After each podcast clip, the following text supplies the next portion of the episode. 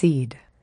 Later, I will share this whole theory with my Swedish friend Sophie, and she will offer her opinion that the word on the streets of Stockholm is conform, which depresses both of us. I asked Giulio, What's the word in Naples? He knows the south of Italy well. Fight, he decides. What was the word in your family when you were growing up? That one was difficult. I was trying to think of a single word that somehow combines both frugal and irreverent. But Giulio was already on to the next and most obvious question What's your word? Now that I definitely could not answer. And still, after a few weeks of thinking about it, I can't answer it any better now. I know some words that it definitely isn't. It's not marriage, that's evident. It's not family, though this was the word of the town I'd lived in for a few years with my husband, and since I did not fit with that word, this was a big cause of my suffering. It's not depression anymore, thank heavens. I'm not concerned that I share Stockholm's word of conform, but I don't feel that I'm entirely inhabiting New York City's achieve anymore either, though that had indeed been my word all throughout my 20s. My word might be seek. Then again, let's be honest, it might just as easily be hide. Over the last months in Italy, my word has largely been pleasure, but that word doesn't match every single part of me, or I wouldn't be so eager to get myself to India. My word might be devotion, though this makes me sound like more of a goody goody than I actually am, and doesn't take into account how much wine I've been drinking. I don't know the answer, and I suppose that's what this year of journeying is about finding my word. But one thing I can say with all assurance it ain't sex. Or so I claim, anyhow. You tell me then why today my feet led me almost of their own accord to a discreet boutique off the Via Condotti, where, under the expert tutelage of the silky young Italian shopgirl, I spent a few dreamy hours and a transcontinental airline ticket's worth of money buying enough lingerie to keep a sultan's consort outfitted for 1001 nights. I bought bras of every shape and formation, I bought filmy, flimsy camisoles and sassy bits of panty in every color of the Easter basket, and slips that came in creamy satins and hush now baby silks, and handmade little bits of string and things, and basically just one velvety, lacy, crazy Valentine after another. I have never owned things like this in my life, so why now? As I was walking out of the store, hauling my cache of tissue wrapped naughties under my arm, I suddenly thought of the anguished demand I'd heard a Roman soccer fan yell the other night at the Lazio game, when Lazio's star player, Albertini, at a critical moment had passed the ball right into the middle of nowhere for no reason whatsoever, totally blowing the play. Per chi? The fan had shouted in near madness. Per chi? For whom? For whom are you passing this ball, Albertini? Nobody's there. Out on the street after my delirious hours of lingerie shopping, I remembered this line and repeated it to myself in a whisper. Per chi? For whom, Liz? For whom all this decadent sexiness? Nobody's there. I only had a few weeks left in Italy and absolutely no intention of knocking boots with anyone. Or did I? Had I finally been affected by the word on the streets in Rome? Was this some final effort to become Italian? Was this a gift to myself? Or was it a gift for some as of yet not even imagined lover? Was this an attempt to start healing my libido after the sexual self confidence disaster of my last relationship? I asked myself, you gonna bring all this stuff to India? 34. Luca Spaghetti's birthday falls this year on America's Thanksgiving Day, so he wants to do a turkey for his birthday party.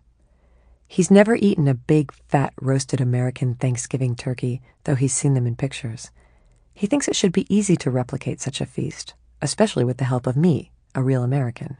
He says we can use the kitchen of his friends Mario and Simona, who have a nice big house in the mountains outside Rome and who always host Luca's birthday parties. So here was Luca's plan for the festivities. He would pick me up at around seven o'clock at night after he'd finished work, and then we would drive north out of Rome for an hour or so to his friend's house, where we would meet the other attendees of the birthday party, and we'd drink some wine and all get to know each other, and then, probably around 9 p.m., we would commence to roasting a 20 pound turkey. I had to do some explaining to Luca about how much time it takes to roast a 20 pound turkey. I told him his birthday feast would probably be ready to eat at that rate around dawn the next day. He was destroyed. But what if we bought a very small turkey? A just born turkey? I said, Luca, let's make it easy and have pizza, like every other good dysfunctional American family does on Thanksgiving. But he's still sad about it though there's a general sadness around Rome right now anyway. The weather has turned cold. The sanitation workers and the train employees and the national airline all went on strike on the same day. A study has just been released saying that 36% of Italian children have an allergy to the gluten needed to make pasta, pizza, and bread. So there goes Italian culture. Even worse, I recently saw an article with the shocking headline Insoddisfatte sei donne su dieci meaning that six out of ten Italian women are sexually unsatisfied. Moreover, 35% of Italian men are reporting difficulty maintaining un'erezione, leaving researchers feeling very perplessi indeed, and making me wonder if sex should be allowed to be Rome's special word anymore after all. In more serious bad news, 19 Italian soldiers have recently been killed in the Americans' War, as it is called here, in Iraq the largest number of military deaths in Italy since World War II. The Romans were shocked by these deaths, and the city closed down the day the boys were buried. The wide majority of Italians want nothing to do with George Bush's war. The involvement was the decision of Silvio Berlusconi, Italy's prime minister, more commonly referred to around these parts as l'idiota. This intellect free, soccer club owning businessman, with his oily film of corruption and sleaze, who regularly embarrasses his fellow citizens by making lewd gestures in the European Parliament, who has mastered the art of speaking l'aria fritta, fried air, who expertly manipulates the media, not difficult when you own it, and who generally behaves not at all like a proper world leader, but rather like a Waterbury mayor. That's an inside joke for Connecticut residents only, sorry. Has now engaged the Italians in a war they see as none of their business whatsoever. They died for freedom, Berlusconi said at the funeral of the 19 Italian soldiers, but most Romans have a different opinion. They died for George Bush's personal vendetta. In this political climate, one might think it would be difficult to be a visiting American. Indeed, when I came to Italy, I expected to encounter a certain amount of resentment, but have received instead empathy from most Italians. In any reference to George Bush, people only nod to Berlusconi, saying, We understand how it is. We have one too. We've been there. It is odd, then, that Luca would want to use this birthday to celebrate an American Thanksgiving, given these circumstances. But I do like the idea of it. Thanksgiving is a nice holiday, something an American can freely be proud of, our one national festival that has remained relatively uncommodified. It's a day of grace and thanks and community, and, yes, pleasure. It might be what we all need right now. My friend Deborah has come to Rome from Philadelphia for the weekend to celebrate the holiday with me. Deborah is an internationally respected psychologist, a writer, and a feminist theorist, but I still think of her as my favorite regular customer, back from the days when I was a diner waitress in Philadelphia, and she would come in for lunch and drink Diet Coke with no ice and say clever things to me over the counter. She really classed up that joint. We've been friends now for over 15 years. Sophie will be coming to Luca's party too, Sophie and I have been friends for about 15 weeks. Everybody is always welcome on Thanksgiving, especially when it also happens to be Luca Spaghetti's birthday. We drive out of tired, stressed out Rome late in the evening up into the mountains.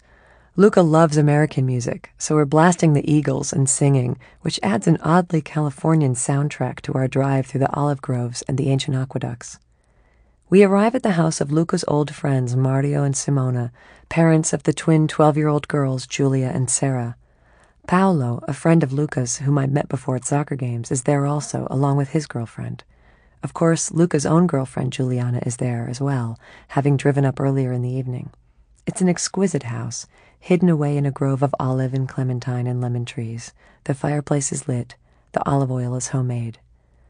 No time to roast a 20 pound turkey, obviously, but Luca sautes up some lovely cuts of turkey breast, and I preside over a whirlwind group effort to make a Thanksgiving stuffing, as best as I can remember the recipe, made from the crumbs of some high end Italian bread, with the necessary cultural substitutions dates instead of apricots, fennel instead of celery. Somehow, it comes out great. Luca had been worried about how the conversation would proceed tonight given that half the guests can't speak English and the other half can't speak Italian, and only Sophie can speak Swedish. But it seems to be one of those miracle evenings where everyone can understand each other perfectly, or at least your neighbor can help translate when the odd word gets lost. I lose count of how many bottles of Sardinian wine we drink before Deborah introduces to the table the suggestion that we follow a nice American custom here tonight by joining hands and, each in turn, saying what we are most grateful for. In three languages, then, this montage of gratitude comes forth, one testimony at a time. Deborah starts by saying she is grateful that America will soon get a chance to pick a new president. Sophie says, first in Swedish, then in Italian, then in English, that she is grateful for the benevolent hearts of Italy and for these four months she's been allowed to experience such pleasure in this country. The tears begin when Mario, our host, weeps in open gratitude as he thanks God for the work in his life that has enabled him to have this beautiful home for his family and friends to enjoy. Paolo gets a laugh when he says that he, too, is grateful that America will soon have the chance to elect a new president. We fall into a silence of collective respect for little Sarah, one of the 12 year old twins, when she bravely shares that she is grateful to be here tonight with such nice people because she's been having a hard time at school lately some of the other students are being mean to her. So thank you for being sweet to me tonight and not mean to me like they are. Luca's girlfriend says she is grateful for the years of loyalty Luca has shown to her and for how warmly he has taken care of her family through difficult times. Simona, our hostess, cries even more openly than her husband had as she expresses her gratitude that a new custom of celebration and thankfulness has been brought into her home by these strangers from America who are not really strangers at all, but friends of Luca's and therefore friends of peace. When it comes my turn to speak, I begin, Sono grata, but then I cannot say my real thoughts, namely that I am grateful to be free tonight from the depression that had been gnawing at me like a rat over the years, a depression that had chewed such perforations in my soul that I would not, at one time, have been able to enjoy even such a lovely night as this.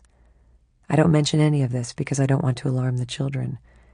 Instead, I say a simpler truth that I am grateful for old and new friends, that I am grateful most especially tonight for Luca Spaghetti, that I hope he has a happy 33rd birthday, and I hope he lives a long life in order to stand as an example to other men of how to be a generous, loyal, and loving human being.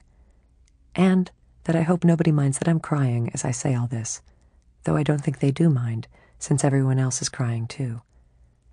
Luca is so clutched by emotion that he cannot find words except to say to all of us, Your tears are my prayers.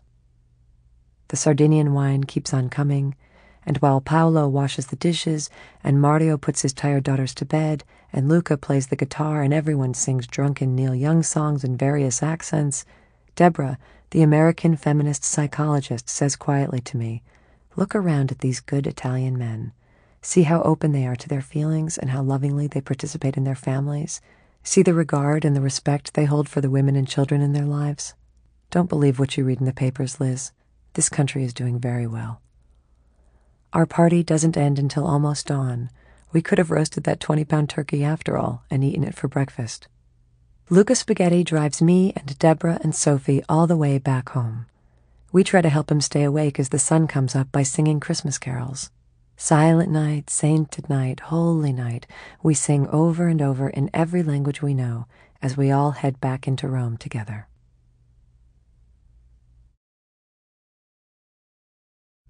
Thirty-five. I couldn't hold out. None of my pants, after almost four months in Italy, fit me anymore. Not even the new clothes I just bought last month, when I'd already outgrown my second month in Italy pants, fit me anymore.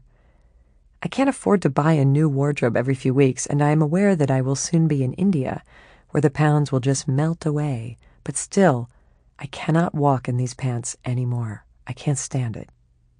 Which all makes sense, given that I recently stepped on a scale in a fancy Italian hotel and learned that I have gained 23 pounds in my four months in Italy, a truly admirable statistic. About 15 pounds of that I actually needed to gain because I had become so skeletal during these last hard years of divorce and depression. The next five pounds I just gained for fun. As for the final three, just to prove a point, I suppose. But so it is that I find myself shopping for an item of clothing I will always keep in my life as a cherished souvenir my last month in Italy jeans. The young lady in the shop is nice enough to keep bringing me bigger and bigger sizes, handing them through the curtain one after another without commentary, only asking with concern each time if this is closer to a fit. Several times I have needed to poke my head out of this curtain and ask, Excuse me, do you have a pair that is slightly bigger? until the nice young lady finally gives me a pair of jeans with a waist measurement that verily hurts my eyes to witness. I step out of the dressing room, presenting myself to the salesgirl. She doesn't blink. She looks at me like an art curator trying to assess the value of a vase, a rather large vase. Carina, she finally decides. Cute. I ask her in Italian if she could please tell me honestly whether these jeans are causing me to resemble a cow no, signorina, I am told. You do not resemble a cow. Do I resemble a pig, then? No, she assures me with great seriousness, nor do I resemble a pig in the least. Perhaps a buffalo? This is becoming good vocabulary practice. I'm also trying to get a smile out of the sales clerk, but she's too intent on remaining professional. I try one more time. Maybe I resemble a buffalo mozzarella? Okay, maybe, she concedes smiling only slightly. Maybe you do look a little like a buffalo mozzarella. 36.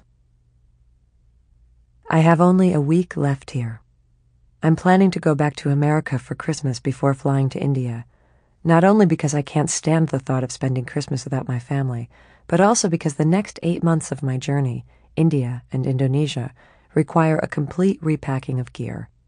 Very little of the stuff you need when you are living in Rome is the same stuff you need when you are wandering around India. And maybe it's in preparation for my trip to India that I decide to spend this last week traveling through Sicily, the most third world section of Italy, and therefore not a bad place to go if you need to prepare yourself to experience extreme poverty. Or maybe I only want to go to Sicily because of what Goethe said. Without seeing Sicily, one cannot get a clear idea of what Italy is. But it's not easy getting to or around Sicily. I have to use all my finding out skills to find a train that runs on Sunday all the way down the coast, and then to find the correct ferry boat to Messina, a scary and suspicious Sicilian port town that seems to howl from behind barricaded doors. It's not my fault that I'm ugly. I've been earthquaked and carpet bombed and raped by the mafia, too.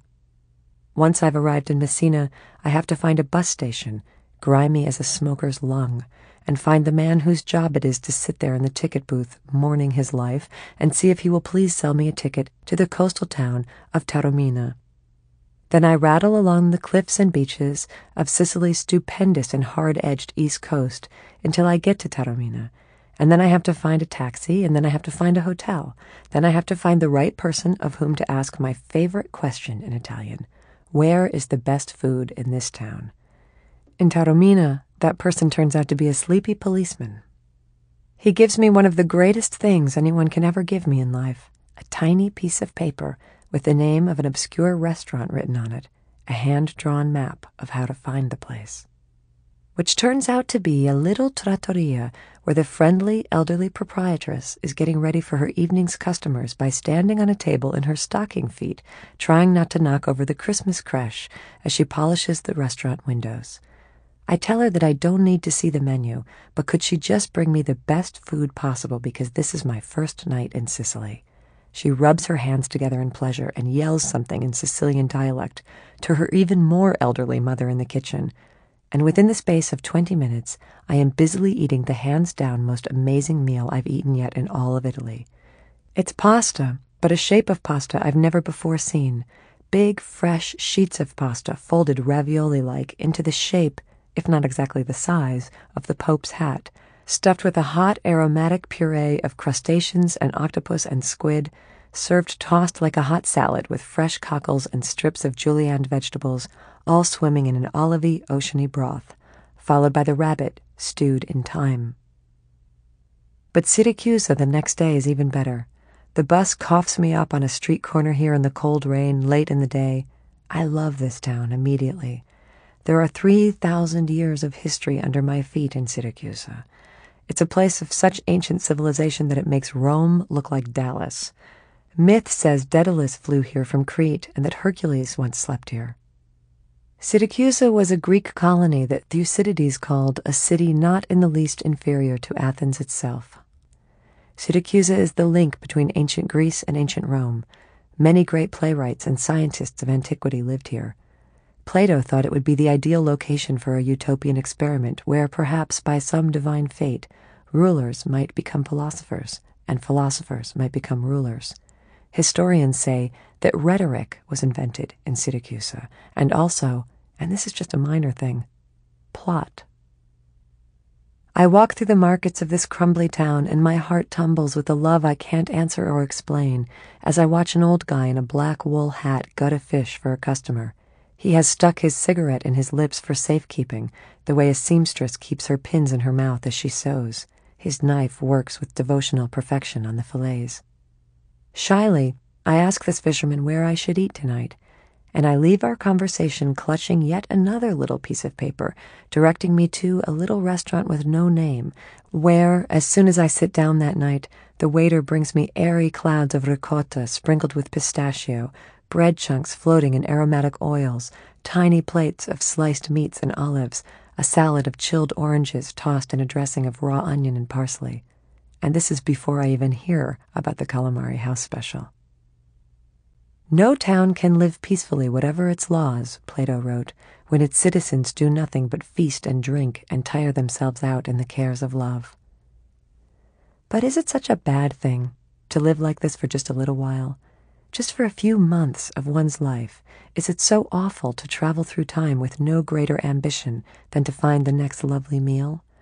Or to learn how to speak a language for no higher purpose than that it pleases your ear to hear it? or to nap in a garden in a patch of sunlight in the middle of the day right next to your favorite fountain, and then do it again the next day? Of course, one can't live like this forever. Real life and wars and traumas and mortality will interfere eventually. Here in Sicily, with its dreadful poverty, real life is never far from anyone's mind. The mafia has been the only successful business in Sicily for centuries, running the business of protecting citizens from itself and it still keeps its hand down everybody's pants. Palermo, a city Goethe once claimed was possessed of an impossible to describe beauty, may now be the only city in Western Europe where you can still find yourself picking your steps through World War II rubble, just to give a sense of development here. The town has been systematically uglified beyond description by the hideous and unsafe apartment blocks the mafia constructed in the 1980s as money laundering operations. I asked one Sicilian if these buildings were made from cheap concrete, and he said, Oh no, this is very expensive concrete. In each batch, there are a few bodies of people who were killed by the mafia, and that costs money. But it does make the concrete stronger to be reinforced with all those bones and teeth. In such an environment, is it maybe a little shallow to be thinking only about your next wonderful meal? Or is it perhaps the best you can do, given the harder realities? Luigi Barzini in his 1964 masterwork, The Italians, written when he'd finally grown tired of foreigners writing about Italy and either loving it or hating it too much, tried to set the record straight on his own culture. He tried to answer the question of why the Italians have produced the greatest artistic, political, and scientific minds of the ages, but have still never become a major world power. Why are they the planet's masters of verbal diplomacy, but still so inept at home government? Why are they so individually valiant, yet so collectively unsuccessful as an army? How can they be such shrewd merchants on the personal level, yet such inefficient capitalists as a nation? His answers to these questions are much more complex than I can fairly encapsulate here, but have much to do with a sad Italian history of corruption by local leaders and exploitation by foreign dominators, all of which has generally led Italians to draw the seemingly accurate conclusion that nobody and nothing in this world can be trusted. Because the world is so corrupted, misspoken, unstable, exaggerated, and unfair, one should trust only what one can experience with one's senses, and this makes the senses stronger in Italy than anywhere in Europe. This is why, Barzini says, Italians will tolerate hideously incompetent generals, presidents, tyrants, professors, bureaucrats, journalists, and captains of industry, but will never tolerate incompetent opera singers, conductors, ballerinas, courtesans, actors, film directors, cooks, tailors. In a world of disorder and disaster and fraud, sometimes only beauty can be trusted. Only artistic excellence is incorruptible. Pleasure cannot be bargained down, and sometimes the meal is the only currency that is real. To devote yourself to the creation and enjoyment of beauty, then, can be a serious business. Not necessarily a means of escaping reality, but sometimes a means of holding on to the real when everything else is flaking away into rhetoric and plot. Not too long ago, authorities arrested a brotherhood of Catholic monks in Sicily who were in tight conspiracy with the mafia. So who can you trust? What can you believe? The world is unkind and unfair. Speak up against this unfairness, and in Sicily at least, you'll end up as the foundation of an ugly new building. What can you do in such an environment to hold on to a sense of your individual human dignity? Maybe nothing. Maybe nothing except, perhaps, to pride yourself on the fact that you always fillet your fish with perfection or that you make the lightest ricotta in the whole town. I don't want to insult anybody by drawing too much of a comparison between myself and the long suffering Sicilian people. The tragedies in my life have been of a personal and largely self created nature, not epically oppressive. I went through a divorce and a depression, not a few centuries of murderous tyranny. I had a crisis of identity, but I also had the resources, financial, artistic, and emotional, with which to try to work it out. Still, I will say that the same thing which has helped generations of Sicilians hold their dignity has helped me begin to recover mine, namely, the idea that the appreciation of pleasure can be an anchor of one's humanity. I believe this is what Goethe meant when he said that you have to come here to Sicily in order to understand Italy. And I suppose this is what I instinctively felt when I decided that I needed to come here, to Italy, in order to understand myself. It was in a bathtub back in New York, reading Italian words aloud from a dictionary, that I first started mending my soul. My life had gone to bits, and I was so unrecognizable to myself that I probably couldn't have picked me out of a police lineup. But I felt a glimmer of happiness when I started studying Italian, and when you sense a faint potentiality for happiness after such dark times, you must grab onto the ankles of that happiness and not let go until it drags you face first out of the dirt. This is not selfishness, but obligation. You were given life. It is your duty, and also your entitlement as a human being, to find something beautiful within life, no matter how slight. I came to Italy pinched and thin. I did not know yet what I deserved. I still maybe don't fully know what I deserve but I do know that I have collected myself of late through the enjoyment of harmless pleasures into somebody much more intact. The easiest, most fundamentally human way to say it is that I have put on weight. I exist more now than I did four months ago. I will leave Italy noticeably bigger than when I arrived here. And I will leave with the hope that the expansion of one person, the magnification of one life, is indeed an act of worth in this world. Even if that life, just this one time, happens to be nobody's but my own.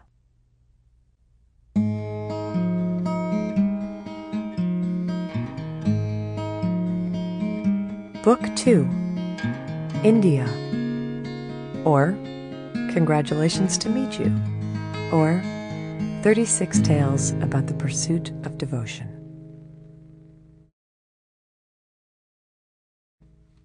37. When I was growing up, my family kept chickens. We always had about a dozen of them at any given time, and whenever one died off, taken away by hawk or fox or by some obscure chicken illness, my father would replace the lost hen. He'd drive to a nearby poultry farm and return with a new chicken in a sack. The thing is, you must be very careful when introducing a new chicken to the general flock. You can't just toss it in there with the old chickens, or they will see it as an invader. What you must do instead is to slip the new bird into the chicken coop in the middle of the night while the others are asleep. Place her on a roost beside the flock and tiptoe away. In the morning, when the chickens wake up, they don't notice the newcomer, thinking only, she must have been here all the time since I didn't see her arrive. The clincher of it is, awaking within this flock, the newcomer herself doesn't even remember that she's a newcomer, thinking only, I must have been here the whole time. This is exactly how I arrive in India.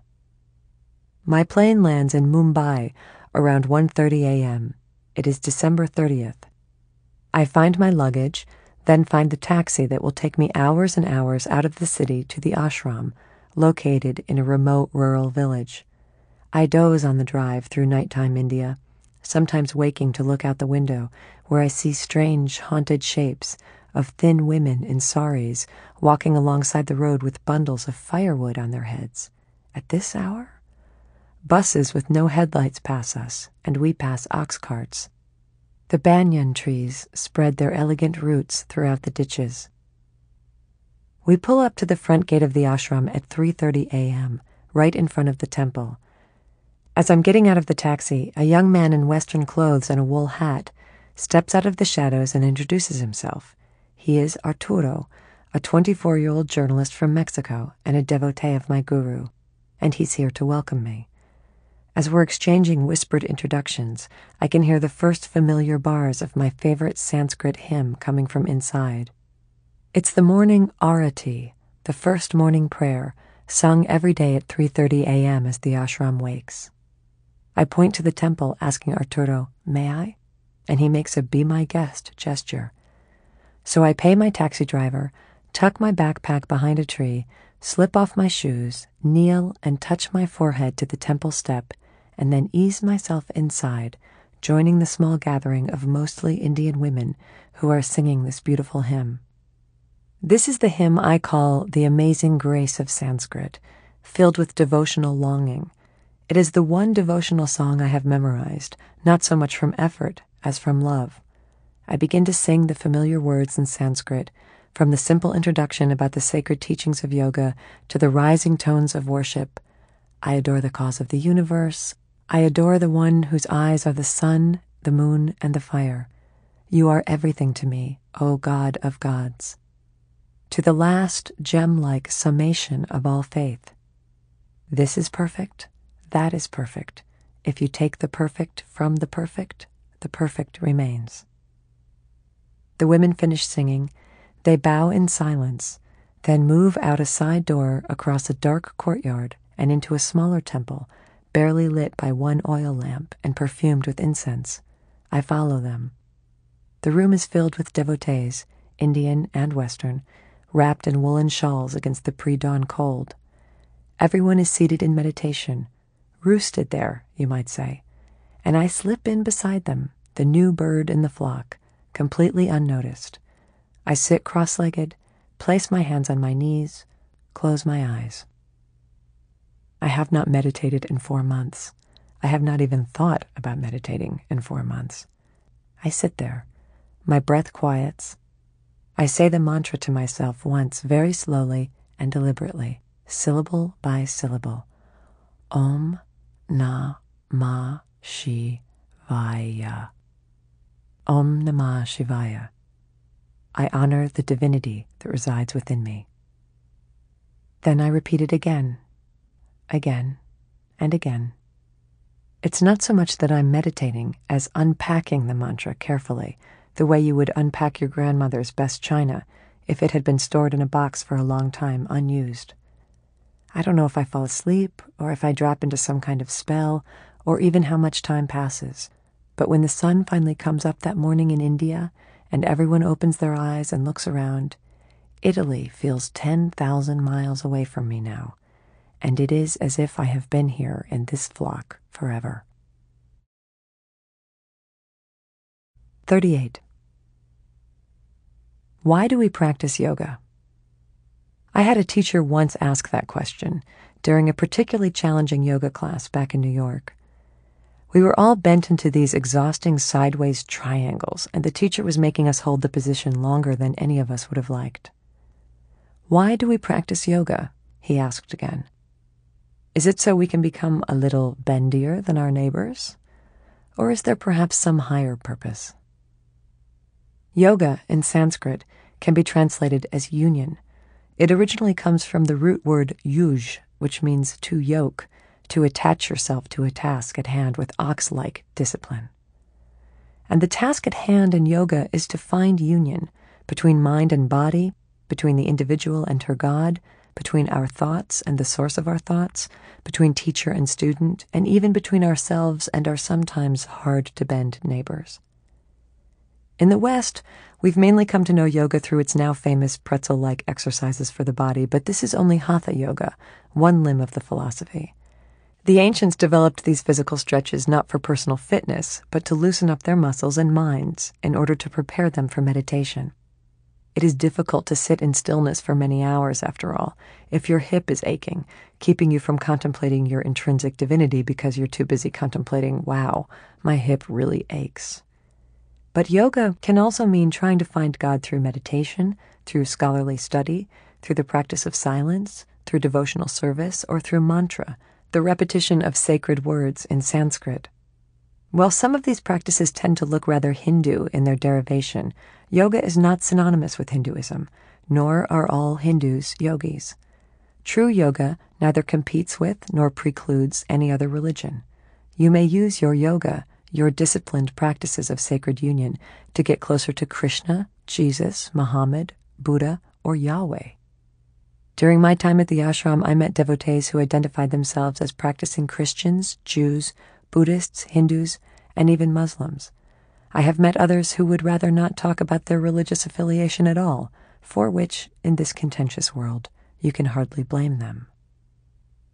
The yogic path is about disentangling the built in glitches of the human condition, which I'm going to oversimply define here as the heartbreaking inability to sustain contentment.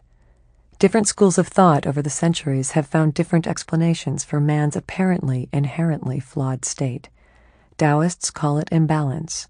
Buddhism calls it ignorance. Islam blames our misery on rebellion against God. And the Judeo Christian tradition attributes all our suffering to original sin. Freudians say that unhappiness is the inevitable result of the clash between our natural drives and civilization's needs. As my friend Deborah, the psychologist, explains it, desire is the design flaw. The yogis, however, say that human discontentment is a simple case of mistaken identity. We're miserable because we think that we are mere individuals, alone with our fears and flaws and resentments and mortality. We wrongly believe that our limited little egos constitute our whole entire nature. We have failed to recognize our deeper divine character. We don't realize that somewhere within all of us there does exist a supreme self who is eternally at peace. That Supreme Self is our true identity, universal and divine. Before you realize this truth, say the yogis, you will always be in despair. A notion nicely expressed in this exasperated line from the Greek Stoic philosopher Epictetus You bear God within you, poor wretch, and know it not. Yoga is the effort to experience one's divinity personally and then to hold on to that experience forever. Yoga is about self mastery, and the dedicated effort to haul your attention away from your endless brooding over the past and your nonstop worrying about the future so that you can seek instead a place of eternal presence from which you may regard yourself and your surroundings with poise. Only from that point of even mindedness will the true nature of the world and yourself be revealed to you. True yogis, from their seat of equipoise, see all this world as an equal manifestation of God's creative energy Men, women, children, turnips, bedbugs, coral, it's all God in disguise. But the yogis believe a human life is a very special opportunity because only in a human form and only with a human mind can God realization ever occur. The turnips, the bedbugs, the coral, they never get a chance to find out who they really are. But we do have that chance. Our whole business, therefore, in this life, wrote St. Augustine rather yogically, is to restore to health the eye of the heart whereby God may be seen. Like all great philosophical ideas, this one is simple to understand but virtually impossible to imbibe. Okay, so we are all one and divinity abides within us all equally. No problem. Understood. But now try living from that place. Try putting that understanding into practice 24 hours a day. It's not so easy. Which is why in India it is considered a given that you need a teacher for your yoga. Unless you are born one of those rare, shimmering saints who come into life already fully actualized, you're going to need some guidance along your journey toward enlightenment. If you're lucky enough, you will find a living guru. This is what pilgrims have been coming to India to seek for ages. Alexander the Great sent an ambassador to India in the 4th century BC with a request to find one of these famous yogis and return with him to court. The ambassador did report finding a yogi, but couldn't convince the gentleman to travel. In the 1st century AD, Apollonius of Tyana, another Greek ambassador, wrote of his journey through India I saw Indian Brahmins living upon the earth and yet not on it, and fortified without fortifications and possessing nothing, yet having the richness of all men. Gandhi himself always wanted to study with a guru, but never, to his regret, had the opportunity or time to find one. I think there is a great deal of truth, he wrote, in the doctrine that true knowledge is impossible without a guru. A great yogi is anyone who has achieved the permanent state of enlightened bliss. A guru is a great yogi who can actually pass that state on to others. The word guru is composed of two Sanskrit syllables. The first means darkness, the second means light, out of the darkness and into the light. What passes from the master into the disciple is something called mantravirya, the potency of the enlightened consciousness. You come to your guru, then, not only to receive lessons as from any teacher, but to actually receive the guru's state of grace. Such transfers of grace can occur even in the most fleeting of encounters with a great being. I once went to see the great Vietnamese monk, poet, and peacemaker Thich Nhat Hanh speak in New York. It was a characteristically hectic weeknight in the city, and as the crowd pushed and shoved its way into the auditorium, the very air in the place was whisked into a nerve wracking urgency of everyone's collective stress. Then the monk came on stage.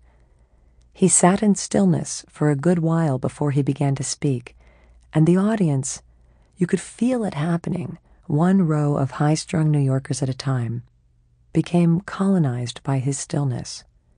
Soon, there was not a flutter in the place. In the space of maybe 10 minutes, this small Vietnamese man had drawn every single one of us into his silence. Or maybe it's more accurate to say that he drew us each into our own silence, into that peace which we each inherently possessed, but had not yet discovered or claimed. His ability to bring forth this state in all of us, merely by his presence in the room, this is divine power. And this is why you come to a guru, with the hope that the merits of your master will reveal to you your own hidden greatness. The classical Indian sages wrote that there are three factors which indicate whether a soul has been blessed with the highest and most auspicious luck in the universe. One, to have been born a human being, capable of conscious inquiry. Two, to have been born with, or to have developed, a yearning to understand the nature of the universe. Three, to have found a living spiritual master.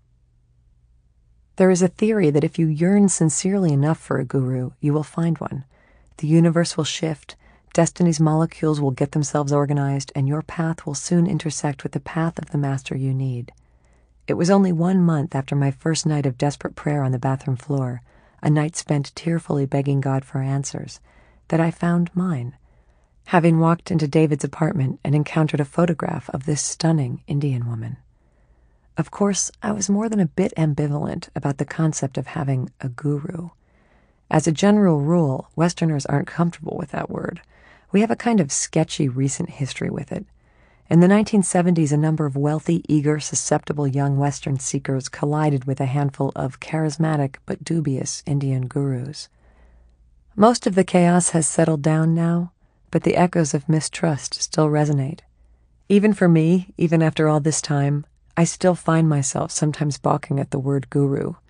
This is not a problem for my friends in India. They grew up with the guru principle, they're relaxed with it. As one Indian girl told me, everybody in India almost has a guru. I know what she meant to say, that almost everybody in India has a guru, but I relate more to her unintentional statement because that's how I feel sometimes, like I almost have a guru. Sometimes I just can't seem to admit it because, as a good New Englander, skepticism and pragmatism are my intellectual heritage. Anyhow, it's not like I consciously went shopping for a guru. She just arrived. And the first time I saw her, it was as though she looked at me through her photograph, those dark eyes smoldering with intelligent compassion, and she said, You called for me, and now I'm here. So do you want to do this thing or not? Setting aside all nervous jokes and cross cultural discomforts, I must always remember what I replied that night a straightforward and bottomless yes. 39. One of my first roommates at the ashram was a middle aged African American devout Baptist and meditation instructor from South Carolina. My other roommates over time would include an Argentinian dancer, a Swiss homeopath, a Mexican secretary, an Australian mother of five, a young Bangladeshi computer programmer, a pediatrician from Maine, and a Filipino accountant. Others would come and go too, as devotees cycled in and out of their residency. This ashram is not a place you can casually drop by and visit. First of all, it's not wildly accessible. It's located far away from Mumbai, on a dirt road in a rural river valley near a pretty and scrappy little village, composed of one street, one temple, a handful of shops, and a population of cows who wander about freely, sometimes walking into the tailor's shop and lying down there. One evening I noticed a naked 60 watt light bulb hanging from a wire on a tree in the middle of town. This is the town's one street lamp. The ashram essentially creates the local economy, such as it is, and also stands as the town's pride. Outside the walls of the ashram, it is all dust and poverty. Inside, it's all irrigated gardens, beds of flowers, hidden orchids, bird song, mango trees, jackfruit trees, cashew trees, palm trees, magnolias, banyans. The buildings are nice, though not extravagant. There's a simple dining hall, cafeteria style. There's a comprehensive library of spiritual writings from the world's religious traditions. There are a few temples for different types of gatherings. There are two meditation caves, dark and silent basements with comfortable cushions, open all day and night to be used only for meditation practice. There's a covered outdoor pavilion where yoga classes are held in the morning, and there's a kind of a park with an oval walking path around it where students can jog for exercise. I'm sleeping in a concrete dormitory. During my stay at the ashram, there were never more than a few hundred residents at any time. If the guru herself had been in residence, those numbers would have swollen considerably, but she was never in India when I was there. I'd sort of expected that. She'd been spending a fair bit of time lately in America, but you never knew when she might show up anywhere by surprise. It's not considered essential to be in her literal presence in order to keep up your studies with her. There is, of course, the irreplaceable high of actually being around a living yogic master and I've experienced that before. But many longtime devotees agree that it can also sometimes be a distraction. If you're not careful, you can get all caught up in the celebrity buzz of excitement that surrounds the guru and lose focus of your true intention. Whereas, if you just go to one of her ashrams and discipline yourself to keep to the austere schedule of practices, you will sometimes find that it is easier to communicate with your teacher from within these private meditations than to push your way through crowds of eager students and get a word in edgewise in person. There are some long term paid staffers at the ashram, but most of the work here is done by the students themselves. Some of the local villagers also work here on salary. Other locals are devotees of the Guru and live here as students. One teenage Indian boy around the ashram somehow really provoked my fascination. There was something about his, pardon the word, but aura, that was so compelling to me. For one thing, he was incredibly skinny, though this is a fairly typical sight around here. If there's anything in this world skinnier than an Indian teenage boy, I'd be afraid to see it.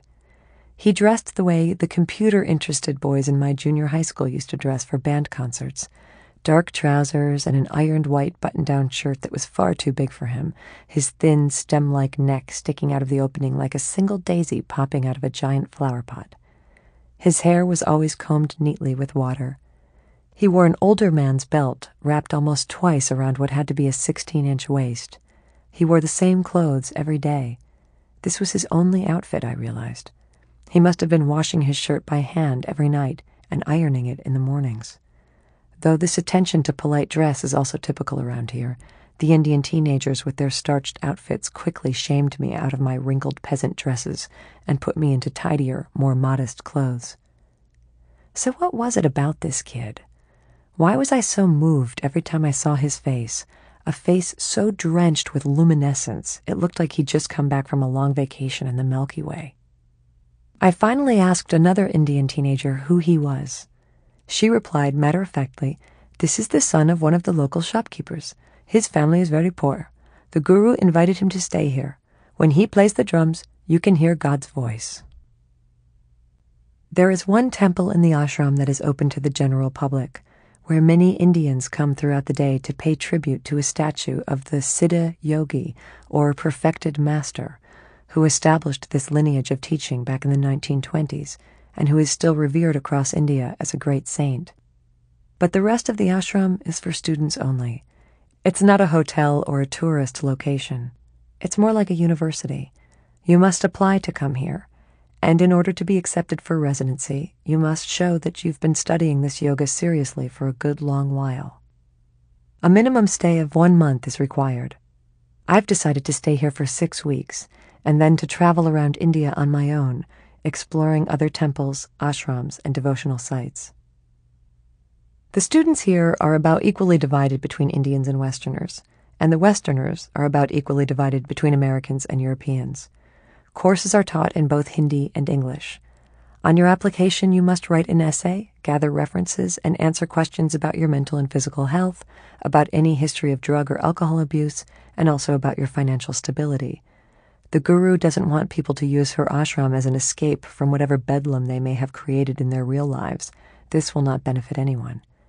She also has a general policy that if your family and loved ones for some reason deeply object to the idea of your following a guru and living in an ashram, then you shouldn't do it. It's not worth it. Just stay home in your normal life and be a good person. There's no reason to make a big dramatic production over this.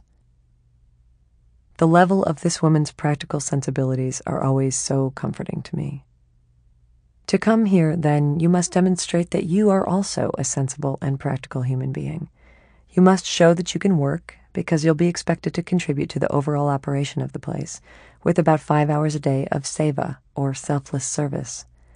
The ashram management also asks if you have gone through a major emotional trauma in the last six months divorce, death in the family that you please postpone your visit to another time because chances are you won't be able to concentrate on your studies, and if you have a meltdown of some sort, you'll only bring distraction to your fellow students. I just made the post divorce cutoff myself. And when I think of the mental anguish I was going through right after I left my marriage, I have no doubt that I would have been a great drain on everyone at this ashram had I come here at that moment.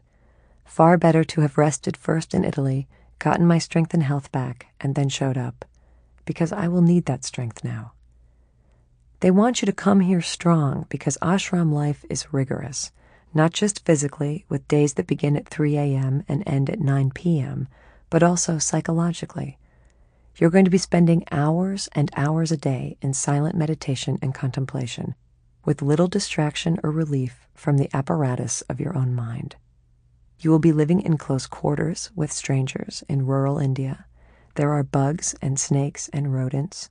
The weather can be extreme, sometimes torrents of rain for weeks on end sometimes 100 degrees in the shade before breakfast. Things can get deeply real around here very fast. My guru always says that only one thing will happen when you come to the ashram that you will discover who you really are. So if you're hovering on the brink of madness already, she'd really rather you didn't come at all. Because frankly, nobody wants to have to carry you out of this place with a wooden spoon clenched between your teeth. 40.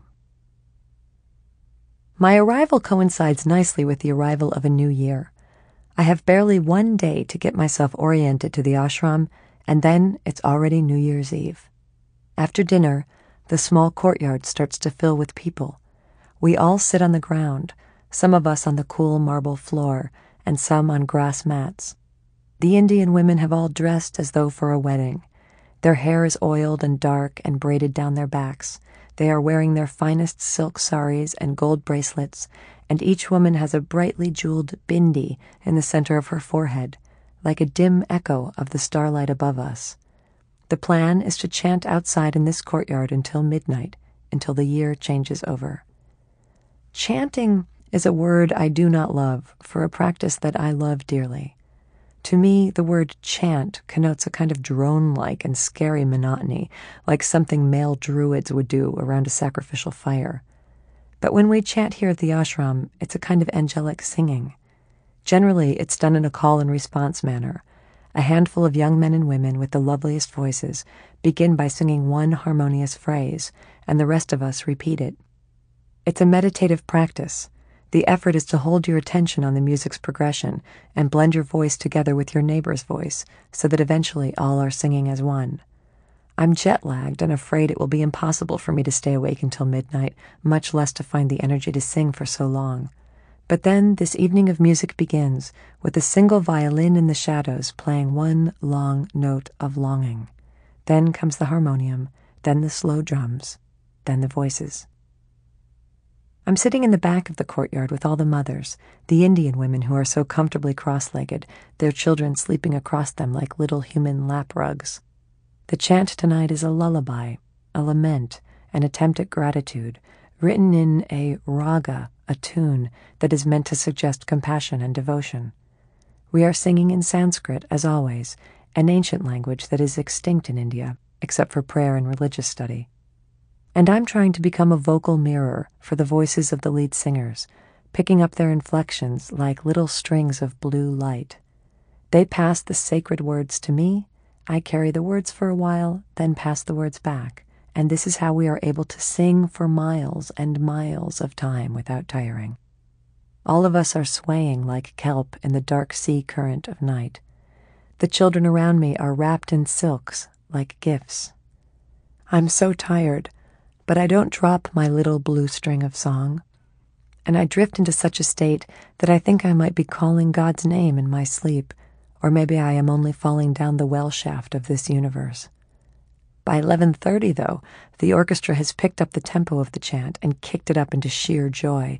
Beautifully dressed women in jingly bracelets are clapping and dancing and attempting to tambourine with their whole bodies. The drums are slamming, rhythmic, exciting. As the minutes pass, it feels to me like we are collectively pulling the year 2004 toward us, like we have roped it with our music, and now we are hauling it across the night sky like it's a massive fishing net, brimming with all of our unknown destinies.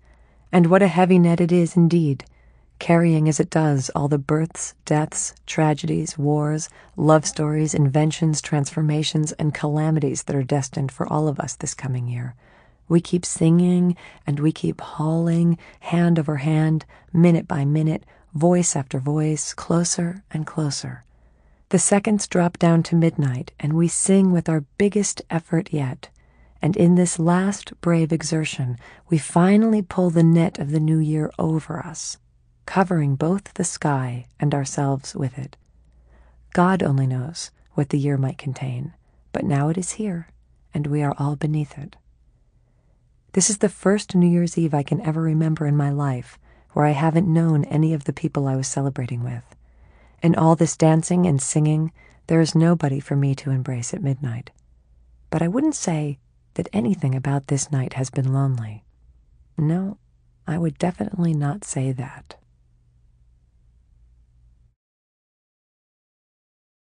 Forty-one. We are all given work here, and it turns out that my work assignment is to scrub the temple floors. So that's where you can find me for several hours a day now, down on my knees on the cold marble with a brush and a bucket, working away like a fairy tale stepsister. By the way, I'm aware of the metaphor the scrubbing clean of the temple that is my heart, the polishing of my soul, the everyday mundane effort that must be applied to spiritual practice in order to purify the self, etc., etc. My fellow floor scrubbers are mainly a bunch of Indian teenagers. They always give teenagers this job because it requires high physical energy, but not enormous reserves of responsibility. There's a limit to how much damage you can do if you mess up. I like my coworkers. The girls are fluttery little butterflies who seem so much younger than American 18 year old girls. and the boys are serious little autocrats who seem so much older than American 18 year old boys. Nobody's supposed to talk in the temples, but these are teenagers, so there's a constant chatter going on all the time as we're working. It's not all idle gossip. One of the boys spends all day scrubbing beside me, lecturing me earnestly on how to best perform my work here. Take seriously, make punctual, be cool and easy. Remember, everything you do, you do for God, and everything God does, He do for you. It's tiring physical labor, but my daily hours of work are considerably easier than my daily hours of meditation. The truth is, I don't think I'm good at meditation. I know I'm out of practice with it, but honestly, I was never good at it.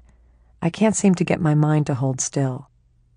I mentioned this once to an Indian monk, and he said, It's a pity you're the only person in the history of the world who ever had this problem. Then the monk quoted to me from the Bhagavad Gita, the most sacred ancient text of yoga. O Krishna, the mind is restless, turbulent, strong, and unyielding. I consider it as difficult to subdue as the wind. Meditation is both the anchor and the wings of yoga. Meditation is the way. There's a difference between meditation and prayer, though both practices seek communion with the divine. I've heard it said that prayer is the act of talking to God, while meditation is the act of listening. Take a wild guess as to which comes easier for me. I can prattle away to God about my feelings and my problems all the livelong day, but when it comes time to descend into silence and listen, well, that's a different story. When I ask my mind to rest in stillness, it is astonishing how quickly it will turn one, bored, two, angry, three, depressed, four, anxious, or five, all of the above. Like most humanoids, I am burdened with what the Buddhists call the monkey mind, the thoughts that swing from limb to limb, stopping only to scratch themselves, spit, and howl. From the distant past to the unknowable future, my mind swings wildly through time, touching on dozens of ideas a minute, unharnessed and undisciplined. This in itself is not necessarily a problem. The problem is the emotional attachment that goes along with the thinking. Happy thoughts make me happy, but whoop, how quickly I swing again into obsessive worry, blowing the mood, and then it's the remembrance of an angry moment, and I start to get hot and pissed off all over again. And then my mind decides it might be a good time to start feeling sorry for itself, and loneliness promptly follows. You are, after all, what you think. Your emotions are the slaves to your thoughts, and you are the slave to your emotions. The other problem with all this swinging through the vines of thought is that you are never where you are. You are always digging in the past or poking at the future, but rarely do you rest in this moment. It's something like the habit of my dear friend Susan, who, whenever she sees a beautiful place, exclaims in near panic, It's so beautiful here! I want to come back here some day! And it takes all of my persuasive powers to try to convince her that she is already here. If you're looking for union with the divine, this kind of forward backward whirling is a problem. There's a reason they call God a presence, because God is right here, right now. In the present is the only place to find him, and now is the only time. But to stay in the present moment requires dedicated, one pointed focus. Different meditation techniques teach one pointedness in different ways for instance, by focusing your eyes on a single point of light or by observing the rise and fall of your breath. My guru teaches meditation with the help of a mantra. Sacred words or syllables to be repeated in a focused manner. Mantra has a dual function. For one thing, it gives the mind something to do. It's as if you've given the monkey a pile of 10,000 buttons and said, move these buttons one at a time into a new pile. This is a considerably easier task for the monkey than if you just plopped him in a corner and asked him not to move. The other purpose of mantra is to transport you to another state, rowboat like, through the choppy waves of the mind. Whenever your attention gets pulled into a cross current of thought, just return to the mantra, climb back into the boat, and keep going. The great Sanskrit mantras are said to contain unimaginable powers, the ability to row you, if you can stay with one, all the way to the shorelines of divinity. Among my many, many problems with meditation is that the mantra I have been given, Om Namah Shivaya, doesn't sit comfortably in my head. I love the sound of it and I love the meaning of it, but it does not glide me into meditation. It never has, not in the two years I've been practicing this yoga. When I try to repeat Om Namah Shivaya in my head, it actually gets stuck in my throat, making my chest clench tightly, making me nervous. I can never match the syllables to my breathing. I end up asking my roommate Corella about this one night. I'm shy to admit to her how much trouble I have keeping my mind focused on mantra repetition, but she is a meditation teacher. Maybe she can help me. She tells me that her mind used to wander during meditation too, but that now her practice is the great, easy, transformative joy of her life. Seems I just sit down and shut my eyes, she says, and all I have to do is think the mantra and I vanish right into heaven. Hearing this, I am struck nauseous with envy. Then again, Corella has been practicing yoga for almost as many years as I've been alive. I ask her if she can show me exactly how she uses Om Namah Shivaya in her meditation practice. Does she take one inhale for every syllable? When I do this, it feels really interminable and annoying. Or is it one word for every breath? But the words are all different lengths. So how do you even it out?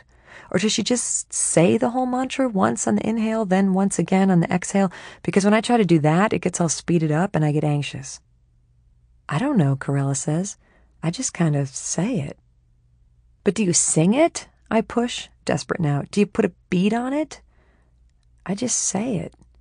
Could you maybe speak aloud for me the way you say it in your head while you're meditating? Indulgently, my roommate closes her eyes and starts saying the mantra aloud, the way it appears in her head. And, indeed, she's just saying it. She says it quietly, normally, smiling slightly. She says it a few times, in fact, until I get restless and cut her off. But don't you get bored? I ask. Ah, says Corella, and opens her eyes, smiling. She looks at her watch. Ten seconds have passed, Liz. Bored already, are we? 42. The following morning, I arrive right on time for the 4 a.m. meditation session, which always starts the day here. We are meant to sit for an hour in silence, but I log the minutes as if they are miles 60 brutal miles that I have to endure. By mile 14, my nerves have started to go, my knees are breaking down, and I'm overcome with exasperation, which is understandable given that the conversations between me and my mind during meditation generally go something like this. Okay, we're going to meditate now. Let's draw our attention to our breath and focus on the mantra Om Namah Shivaya, Om Namah. I can help you out with this, you know. Okay, good, because I need your help, so let's go. Om Namah Shivaya, Om Namah. I can help you think of nice meditative images like, hey, here's a good one. Imagine you're a temple, a temple on an island, and the island is in the ocean. Oh, that is a nice image. Thanks. I thought of it myself. But what ocean are we picturing here?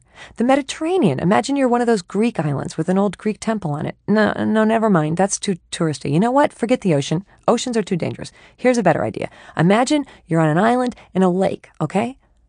Okay, can we meditate now? Om Namah Shiva. Yes, definitely, but try not to picture that the lake is covered with what are those things called? Jet skis? Yes, jet skis. Those things consume so much fuel. They're really a menace to the environment. You know what else uses a lot of fuel? Leaf blowers. You wouldn't think so, but okay, okay, but let's meditate now, okay, please? Om Namah. Right, right, right. I definitely want to help you meditate. And that's why we're going to skip the image of an island on an ocean or a lake because that's obviously not working. So let's imagine that you're an island in in a river. Oh, you mean like Bannerman Island in the Hudson River? Yes, exactly. Perfect. Therefore, in conclusion, let's meditate on this image. Envision that you are an island in a river. All the thoughts that float by as you're meditating, these are just the river's natural currents, and you can ignore them because you are an island. Wait, I thought you said I was a temple. That's right, sorry. You're a temple on an island. In fact, you are both the temple and the island. Am I also the river? No, the river is just the thoughts. Stop, please, stop. You're making me crazy. Sorry, I was only trying to help.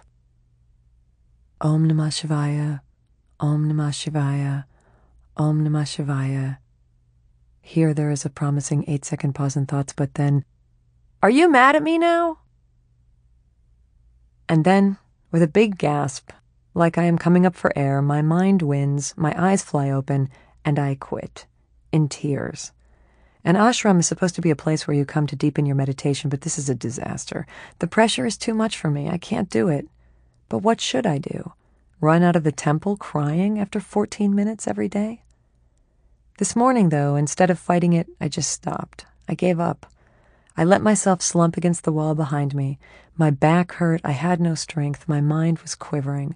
My posture collapsed like a bridge crumbling down.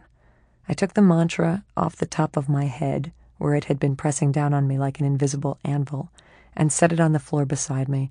And then I said to God, I'm really sorry, but this is the closest I could get to you today. The Lakota Sioux say that a child who cannot sit still is a half developed child.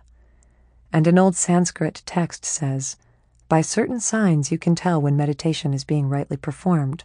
One of them is that a bird will sit on your head, thinking you are an inert thing. This has not exactly happened to me yet.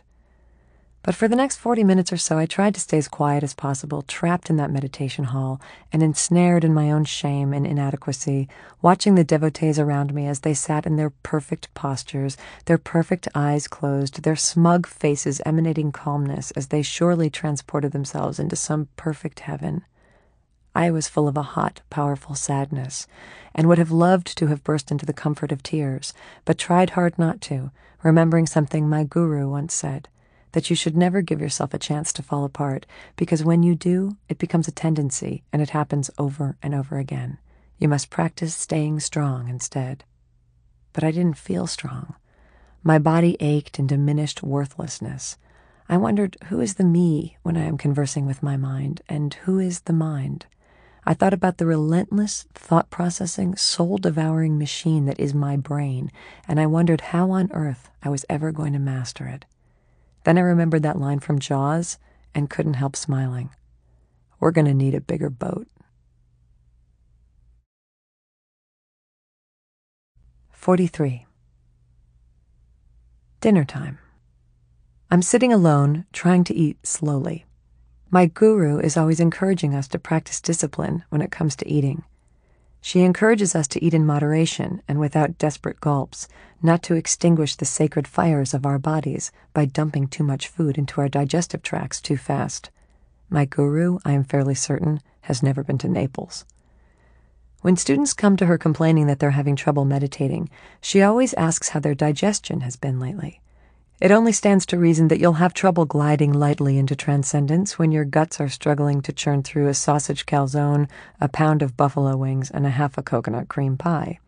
Which is why they don't serve that kind of stuff here. The food at the ashram is vegetarian, light, and healthy, but still delicious, which is why it's difficult for me not to wolf it down like a starving orphan. Plus, Meals are served buffet style, and it never has been easy for me to resist taking a second or third turn at bat when beautiful food is just lying out there in the open, smelling good and costing nothing. So I'm sitting there at the dinner table all by myself, making an effort to restrain my fork, when I see a man walk over with his dinner tray, looking for an open chair. I nod to him that he is welcome to join me.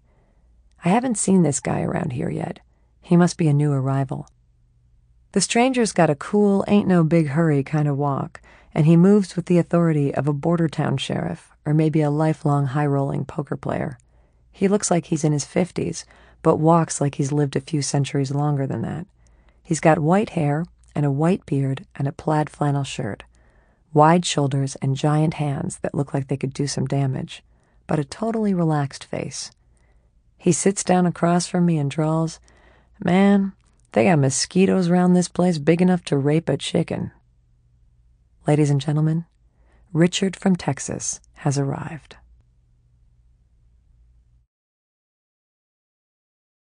Forty-four. Among the many jobs that Richard from Texas has held in his life, and I know I'm leaving a lot of them out, are oil field worker, 18 wheeler truck driver, the first authorized dealer of Birkenstocks in the Dakotas, sack shaker in a Midwestern landfill. I'm sorry, but I really don't have time to explain what a sack shaker is. Highway construction worker, used car salesman, soldier in Vietnam, commodities broker, that commodity generally being Mexican narcotics, junkie and alcoholic, if you can call this a profession, then reformed junkie and alcoholic, a much more respectable profession, hippie farmer on a commune, radio voiceover announcer, and finally, successful dealer in high end medical equipment. until his marriage fell apart and he gave the whole business to his ex and got left scratching my broke white ass again. Now he renovates old houses in Austin. Never did have much of a career path, he says. Never could do anything but the hustle. Richard from Texas is not a guy who worries about a lot of stuff. I wouldn't call him a neurotic person. No, sir. But I am a bit neurotic, and that's why I've come to adore him. Richard's presence at this ashram becomes my great and amusing sense of security. His giant, ambling confidence hushes down all my inherent nervousness and reminds me that everything really is going to be okay. And if not okay, then at least comic. Remember the cartoon rooster, Foghorn Leghorn? Well, Richard is kind of like that, and I become his chatty little sidekick, the chicken hawk. In Richard's own words, me and groceries, we steady be laughing the whole damn time. Groceries. That's the nickname Richard has given me. He bestowed it upon me the first night we met, when he noticed how much I could eat. I tried to defend myself. I was purposefully eating with discipline and intention, but the name stuck. Maybe Richard from Texas doesn't seem like a typical yogi, though my time in India has cautioned me against deciding what a typical yogi is. Don't get me started on the dairy farmer from rural Ireland I met here the other day, or the former nun from South Africa. Richard came to this yoga through an ex girlfriend who drove him up from Texas to the ashram in New York to hear the guru speak. Richard says, I thought the ashram was the weirdest thing I ever saw, and I was wondering where the room was where you had to give him all your money and turn over the deed to your house and car, but that never did happen. After that experience, which was about 10 years ago, Richard found himself praying all the time. His prayer was always the same. He kept begging God, Please, please, please, open my heart. That was all he wanted an open heart. And he would always finish the prayer for an open heart by asking God, And please send me a sign when the event has occurred. Now, he says, recollecting that time, Be careful what you pray for, groceries, 'cause you just might get it. After a few months of praying constantly for an open heart, what do you think Richard got? That's right, emergency open heart surgery. His chest was literally cracked open, his ribs cleaved away from each other to allow some daylight to finally reach into his heart, as though God were saying, How's that for a sign? So now Richard is always cautious with his prayers, he tells me. Whenever I pray for anything these days, I always wrap it up by saying, Oh, and God, please be gentle with me, okay? What should I do about my meditation practice? I asked Richard one day as he's watching me scrub the temple floors. He's lucky. He works in the kitchen, doesn't even have to show up there until an hour before dinner. But he likes watching me scrub the temple floors. He thinks it's funny. Why do you have to do anything about it, groceries? Because it stinks. Says who? I can't get my mind to sit still. Remember what the guru teaches us. If you sit down with the pure intention to meditate, whatever happens next is none of your business. So why are you judging your experience? Because what's happening in my meditations cannot be the point of this yoga. Groceries, baby, you got no idea what's happening in there. But I never see visions, I never have transcendent experiences. You want to see pretty colors? Or you want to know the truth about yourself? What's your intention? All I seem to do is argue with myself when I try to meditate. Well, that's just your ego trying to make sure it stays in charge. This is what your ego does. It keeps you feeling separate, keeps you with a sense of duality, tries to convince you that you're flawed and broken and alone instead of whole. But how does that serve me? It doesn't serve you. Your ego's job isn't to serve you. Its only job is to keep itself in power. And right now, your ego's scared to death because it's about to get downsized. You keep up this spiritual path, baby, and that bad boy's days are numbered. Pretty soon your ego will be out of work and your heart will be making all the decisions. So your ego's fighting for its life, playing with your mind, trying to assert its authority, trying to keep you cornered off in a holding pen away from the rest of the universe. Don't listen to it. But how do you not listen to it? Ever try to take a toy away from a toddler? They don't like that, do they? They start kicking and screaming. Best way to take a toy away from a toddler is to distract the kid, give him something else to play with, divert his attention. Instead of trying to forcefully take thoughts out of your mind, give your mind something better to play with, something healthier. Like what? Like love, groceries. Like pure, divine love. 45. Going into that meditation cave every day is supposed to be this time of divine communion, but I've been walking in there lately flinching the way my dog used to flinch when she walked into the vet's office, knowing that no matter how friendly everybody might be acting now, this whole thing was going to end with a sharp poke with a medical instrument. But after my last conversation with Richard from Texas, I'm trying a new approach this morning. I sit down to meditate and I say to my mind, listen. I understand you're a little frightened, but I promise I'm not trying to annihilate you. I'm just trying to give you a place to rest. I love you. The other day, a monk told me the resting place of the mind is the heart. The only thing the mind hears all day is clanging bells and noise and argument, and all it wants is quietude. The only place the mind will ever find peace is inside the silence of the heart. That's where you need to go. I'm trying a different mantra, too. It's one I've had luck with in the past. It's simple, just two syllables. Hum Sa. In Sanskrit, it means, I am that. The yogis say that Hum Sa is the most natural mantra, the one we are all given by God before birth. It is the sound of our own breath, hum on the inhale, sa on the exhale. As long as we live, every time we breathe in or out, we are repeating this mantra I am that. I am divine. I am with God. I am an expression of God. I am not separate. I am not alone. I am not this limited illusion of an individual. I've always found Hamsa easy and relaxing, easier to meditate with than Om Namah Shivaya, the, how would you say this, official mantra of this yoga. But I was talking to this monk the other day, and he told me to go ahead and use Hamsa if it helped my meditation. He said, Meditate on whatever causes a revolution in your mind. So I'll sit here with it today. Hum sa, I am that. Thoughts come, but I don't pay much attention to them, other than to say to them in an almost motherly manner, Oh, I know you jokers. Go outside and play now. Mummy's listening to God.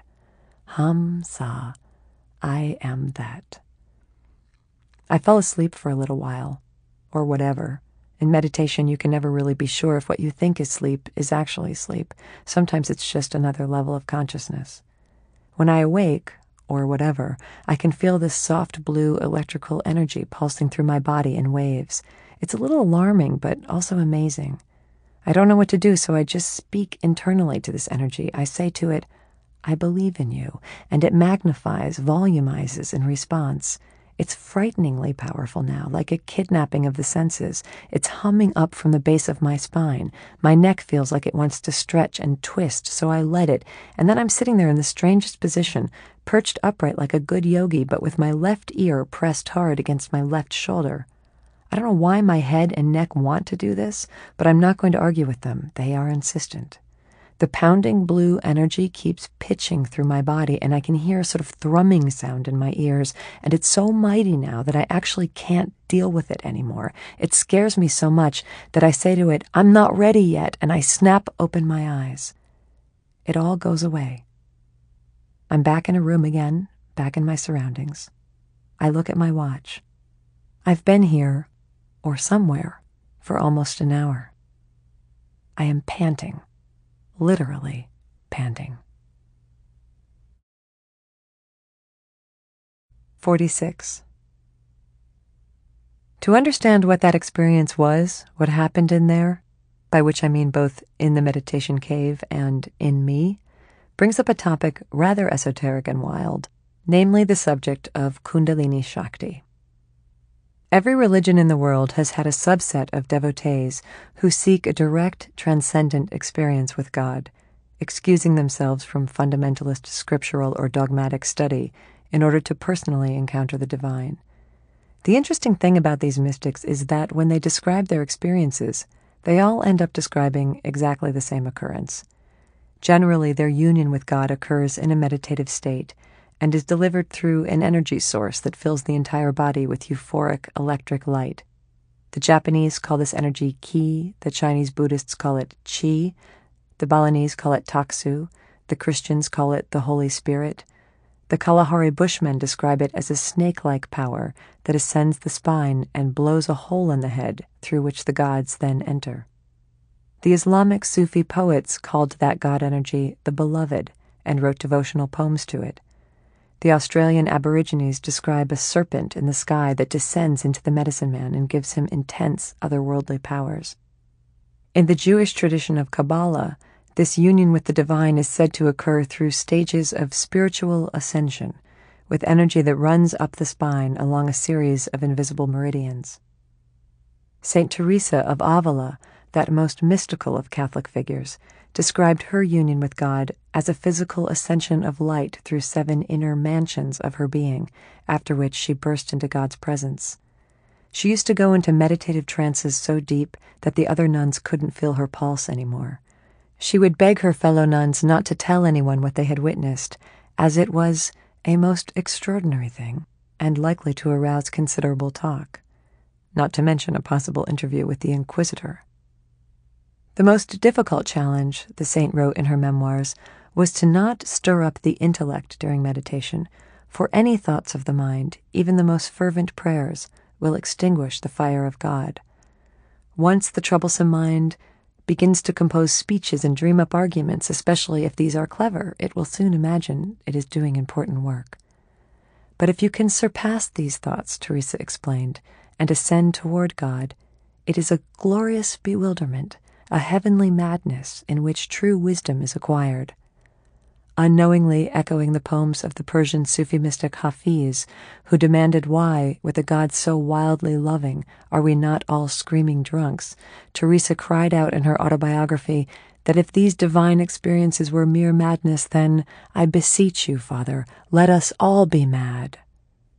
Then, in the next sentences of her book, it's like she catches her breath.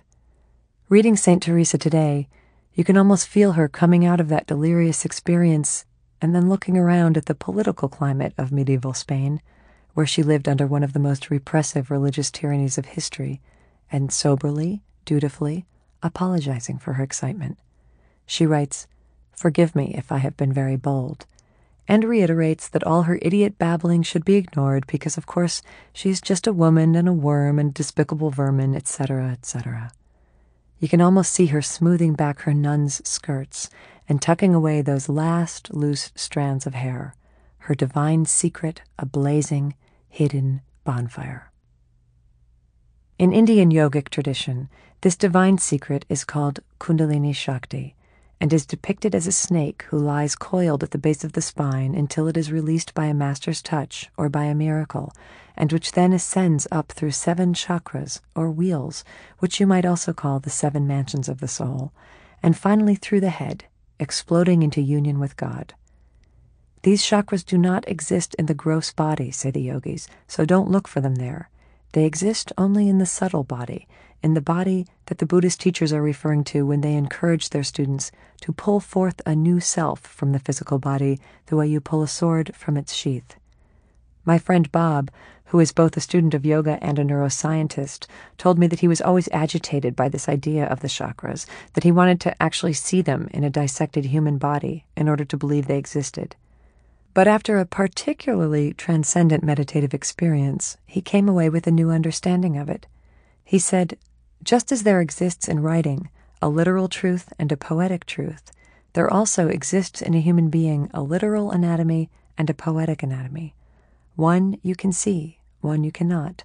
One is made of bones and teeth and flesh, the other is made of energy and memory and faith, but they are both equally true. I like it when science and devotion find places of intersection. I found an article in the New York Times recently about a team of neurologists who had wired up a volunteer Tibetan monk for experimental brain scanning. They wanted to see what happens to a transcendent mind, scientifically speaking, during moments of enlightenment.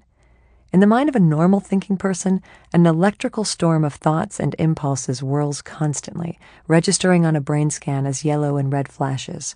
The more angry or impassioned the subject becomes, the hotter and deeper those red flashes burn. But mystics across time and cultures have all described a stilling of the brain during meditation and say that the ultimate union with God is a blue light which they can feel radiating from the center of their skulls. In yogic tradition, this is called the blue pearl, and it is the goal of every seeker to find it.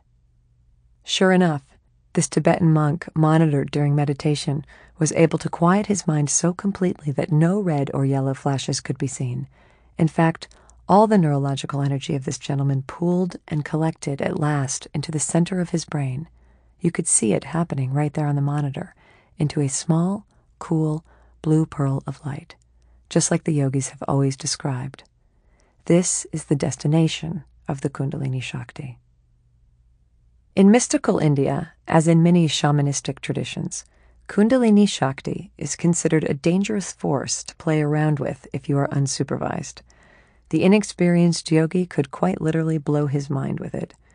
You need a teacher, a guru, to guide you on this path, and ideally a safe place, an ashram, from which to practice. It is said to be the guru's touch, either literally in person or through a more supernatural encounter like a dream, which releases the bound Kundalini energy from its coil at the base of the spine and allows it to begin journeying upward toward God. This moment of release is called Shaktipat, divine initiation, and it is the greatest gift of an enlightened master. After that touch, the student might still labor for years toward enlightenment, but the journey has at least begun. The energy has been freed. I received Shaktipat initiation two years ago when I met my guru for the first time back in New York. It was during a weekend retreat at her ashram in the Catskills. To be honest, I felt nothing special afterward. I was kind of hoping for a dazzling encounter with God, maybe some blue lightning or a prophetic vision. But I searched my body for special effects and only felt vaguely hungry, as usual. I remember thinking that I probably didn't have enough faith to ever experience anything really wild like unleashed Kundalini Shakti. I remember thinking that I was too brainy, not intuitive enough, and that my devotional path was probably going to be more intellectual than esoteric. I would pray, I would read books, I would think interesting thoughts, but I would probably never ascend into the kind of divine meditative bliss St. Teresa describes. But that was okay. I still loved devotional practice. It's just that Kundalini Shakti wasn't for me. The next day, though, something interesting did happen. We were all gathered with the Guru once more. She led us into meditation, and in the middle of it all, I fell asleep, or whatever the state was, and had a dream. In this dream, I was on a beach at the ocean. The waves were massive and terrifying, and they were building fast. Suddenly, a man appeared beside me. It was my guru's own master, a great charismatic yogi I will refer to here only as Swamiji, which is Sanskrit for beloved monk. Swamiji had died in 1982. I knew him only from photographs around the ashram. Even through these photographs, I must admit, I'd always found the guy to be a little too scary, a little too powerful, a little too much on fire for my taste. I'd been dodging the idea of him for a long time, and generally avoiding his gaze as it stared down at me from the walls. He seemed overwhelming. He wasn't my kind of guru. I'd always preferred my lovely, compassionate, feminine living master to this deceased, but still fierce, character. But now Swamiji was in my dream, standing beside me on a beach in all his power. I was terrified. He pointed to the approaching waves and said sternly, I want you to figure out a way to stop that from happening. Panicked, I whipped out a notebook and tried to draw inventions that would stop the ocean waves from advancing. I drew massive seawalls and canals and dams. All my designs were so stupid and pointless, though. I knew I was way out of my league here. I'm not an engineer. But I could feel Swamiji watching me, impatient and judgmental. Finally, I gave up. None of my inventions were clever or strong enough to keep those waves from breaking. That's when I heard Swamiji laugh. I looked up at this tiny Indian man in his orange robes, and he was veritably bustin' a gut in laughter, bent over double in delight, wiping mirthful tears from his eyes. Tell me, dear one, he said, and he pointed out toward the colossal, powerful, endless, rocking ocean. Tell me, if you would be so kind, how exactly were you planning on stopping that? 47. Two nights in a row now, I've had dreams of a snake entering my room. I've read that this is spiritually auspicious, and not just in Eastern religions. St. Ignatius had serpent visions all throughout his mystical experiences but it doesn't make the snakes any less vivid or scary. I've been waking up sweating. Even worse, once I'm awake, my mind has been two timing me again, betraying me into a state of panic like I haven't felt since the worst of the divorce years. My thoughts keep flying back to my failed marriage and to all the attendant shame and anger of that event. Worse, I'm again dwelling on David. I'm arguing with him in my mind. I'm mad and lonely and remembering every hurtful thing he ever said or did to me. Plus, I can't stop thinking about all our happiness together, the thrilling delirium when times were good. It's all I can do not to jump out of this bed and call him from India in the middle of the night and just, I don't know what, just hang up on him probably, or beg him to love me again, or read him such a ferocious indictment on all his character flaws. Why is all this stuff coming up again now? I know what they would say, all the old timers at this ashram. They would say that this is perfectly normal, that everyone goes through this, that intense meditation brings everything up, that you're just clearing out all your residual demons. But I'm in such an emotional state, I can't stand it, and I don't want to hear anyone's hippie theories. I recognize that everything is coming up, thank you very much. Like vomit, it's coming up. Somehow, I manage to fall asleep again. Lucky me, and I have another dream no snakes this time, but a rangy evil dog who chases me and says, I will kill you, I will kill you and eat you. I wake up crying and shaking. I don't want to disturb my roommate, so I go hide in the bathroom. The bathroom. Always the bathroom. Heaven help me, but there I am in a bathroom again, in the middle of the night again, weeping my heart out on the floor in loneliness. Oh, cold world, I have grown so weary of you and all your horrible bathrooms. When the crying doesn't stop, I go get myself a notebook and a pen, last refuge of a scoundrel, and I sit once more beside the toilet. I open to a blank page and scrawl my now familiar plea of desperation. I need your help. Then a long exhale of relief comes, as, in my own handwriting, my own constant friend, who is it? Commences loyally to my own rescue. I'm right here. It's okay. I love you. I will never leave you. Forty-eight. The next morning's meditation is a disaster. Desperate, I beg my mind to please step aside and let me find God, but my mind stares at me with steely power and says, I will never let you pass me by. That whole next day, in fact, I'm so hateful and angry that I fear for the life of anyone who crosses my path. I snap at this poor German woman because she doesn't speak English well and she can't understand when I tell her where the bookstore is. I'm so ashamed of my rage that I go hide in yet another bathroom and cry, and then I'm so mad at myself for crying as I remember my guru's counsel not to fall apart all the time or else it becomes a habit. But what does she know about it? She's enlightened. She can't help me. She doesn't understand me. I don't want anyone to talk to me. I can't tolerate anyone's face right now. I even managed to dodge Richard from Texas for a while, but he eventually finds me at dinner and sits down, brave man, in my black smoke of self loathing. What's got you all wadded up? He drawls, toothpick in his mouth as usual. Don't ask, I say. But then I start talking and I tell him every bit of it, concluding with, and worst of all, I can't stop obsessing over David. I thought I was over him, but it's all coming up again. He says, Give it another six months, you'll feel better. I've already given it 12 months, Richard. Then give it six more. Just keep throwing six months at it till it goes away. Stuff like this takes time. I exhale hotly through my nose, bull like. Groceries, Richard says. Listen to me. Someday you're going to look back on this moment in your life as such a sweet time of grieving. You'll see that you were in mourning and your heart was broken, but your life was changing and you were in the best possible place in the world for it, in a beautiful place of worship surrounded by grace. Take this time, every minute of it. Let things work themselves out here in India. But I really loved him. Big deal. So you fell in love with someone. Don't you see what happened? This guy touched a place in your heart deeper than you thought you were capable of reaching. I mean, you got zapped, kiddo. But that love you felt, that was just the beginning. You just got a taste of love. That's just limited little rinky dink mortal love. Wait till you see how much more deeply you can love than that. Heck, groceries, you have the capacity to someday love the whole world. It's your destiny. Don't laugh. I'm not laughing. I was actually crying. And please don't laugh at me now, but I think the reason it's so hard for me to get over this guy is because I seriously believed that David was my soulmate. He probably was, Your problem is you don't understand what that word means. People think a soulmate is your perfect fit, and that's what everyone wants. But a true soulmate is a mirror. The person who shows you everything that's holding you back, the person who brings you to your own attention so you can change your life. A true soulmate is probably the most important person you'll ever meet because they tear down your walls and smack you awake. But to live with a soulmate forever? Nah, it's too painful. Soulmates, they come into your life just to reveal another layer of yourself to you and then they leave, and thank God for it. Your problem is you just can't let this one go.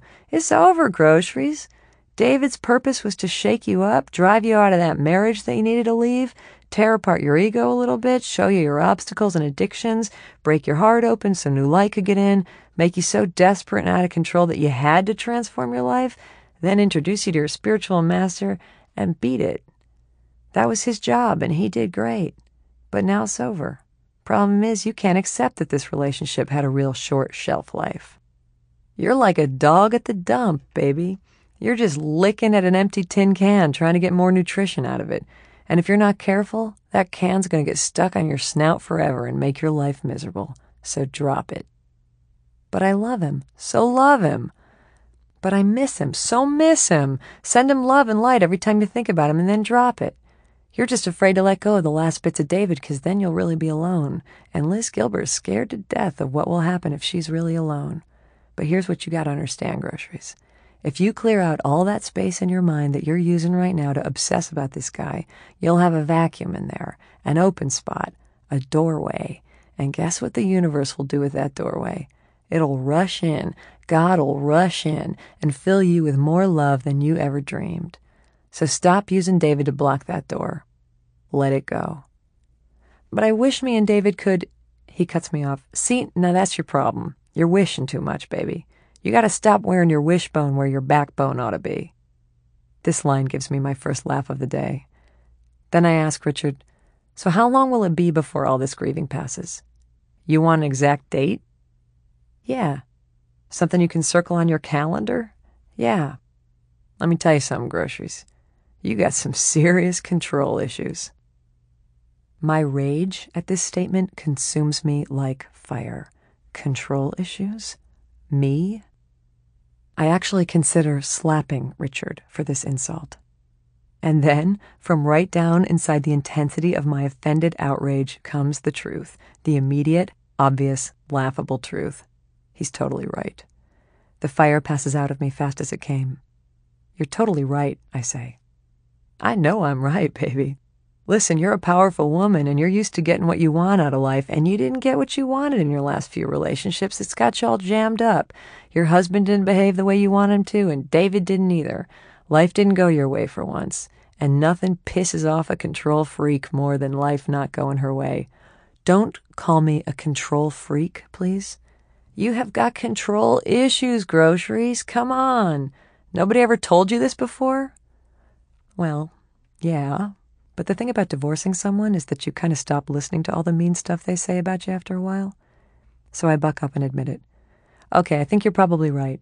Maybe I do have a problem with control. It's just weird that you noticed because I don't think it's that obvious on the surface. I mean, I bet most people can't see my control issues when they first look at me. Richard from Texas laughs so hard he almost loses his toothpick. They can't? Honey, Ray Charles could see your control issues. Okay, I think I'm done with this conversation now. Thank you. You gotta learn how to let go, groceries. Otherwise, you're gonna make yourself sick. Never gonna have a good night's sleep again. You'll just toss and turn forever, beating up on yourself for being such a fiasco in life. What's wrong with me? How come I screw up all my relationships? Why am I such a failure? Let me guess. That's probably what you were up all hours doing to yourself again last night. All right, Richard, that's enough, I say. I don't want you walking around inside my head anymore. Shut the door then, says my big Texas yogi. 49. When I was nine years old, going on ten, I experienced a true metaphysical crisis. Maybe this seems young for such a thing, but I was always a precocious child. It all happened over the summer between fourth and fifth grade. I was going to be turning ten years old in July, and there was something about the transition from nine to ten, from single digit to double digits, that shocked me into a genuine existential panic, usually reserved for people turning 50. I remember thinking that life was passing me by so fast. It seemed like only yesterday I was in kindergarten, and here I was, about to turn 10. Soon I would be a teenager, then middle aged, then elderly, then dead, and everyone else was aging in hyperspeed too. Everybody else was going to be dead soon. My parents would die, my friends would die, my cat would die. My elder sister was almost in high school already. I could remember her going off to first grade only moments ago, it seemed, in her little knee socks. And now she was in high school? Obviously, it wouldn't be long before she was dead. What was the point of all this? The strangest thing about this crisis was that nothing in particular had spurred it. No friend or relative had died, giving me my first taste of mortality, nor had I read or seen anything particular about death. I hadn't even read Charlotte's Web yet. This panic I was feeling at age 10 was nothing less than a spontaneous and full out realization of mortality's inevitable march, and I had no spiritual vocabulary with which to help myself manage it.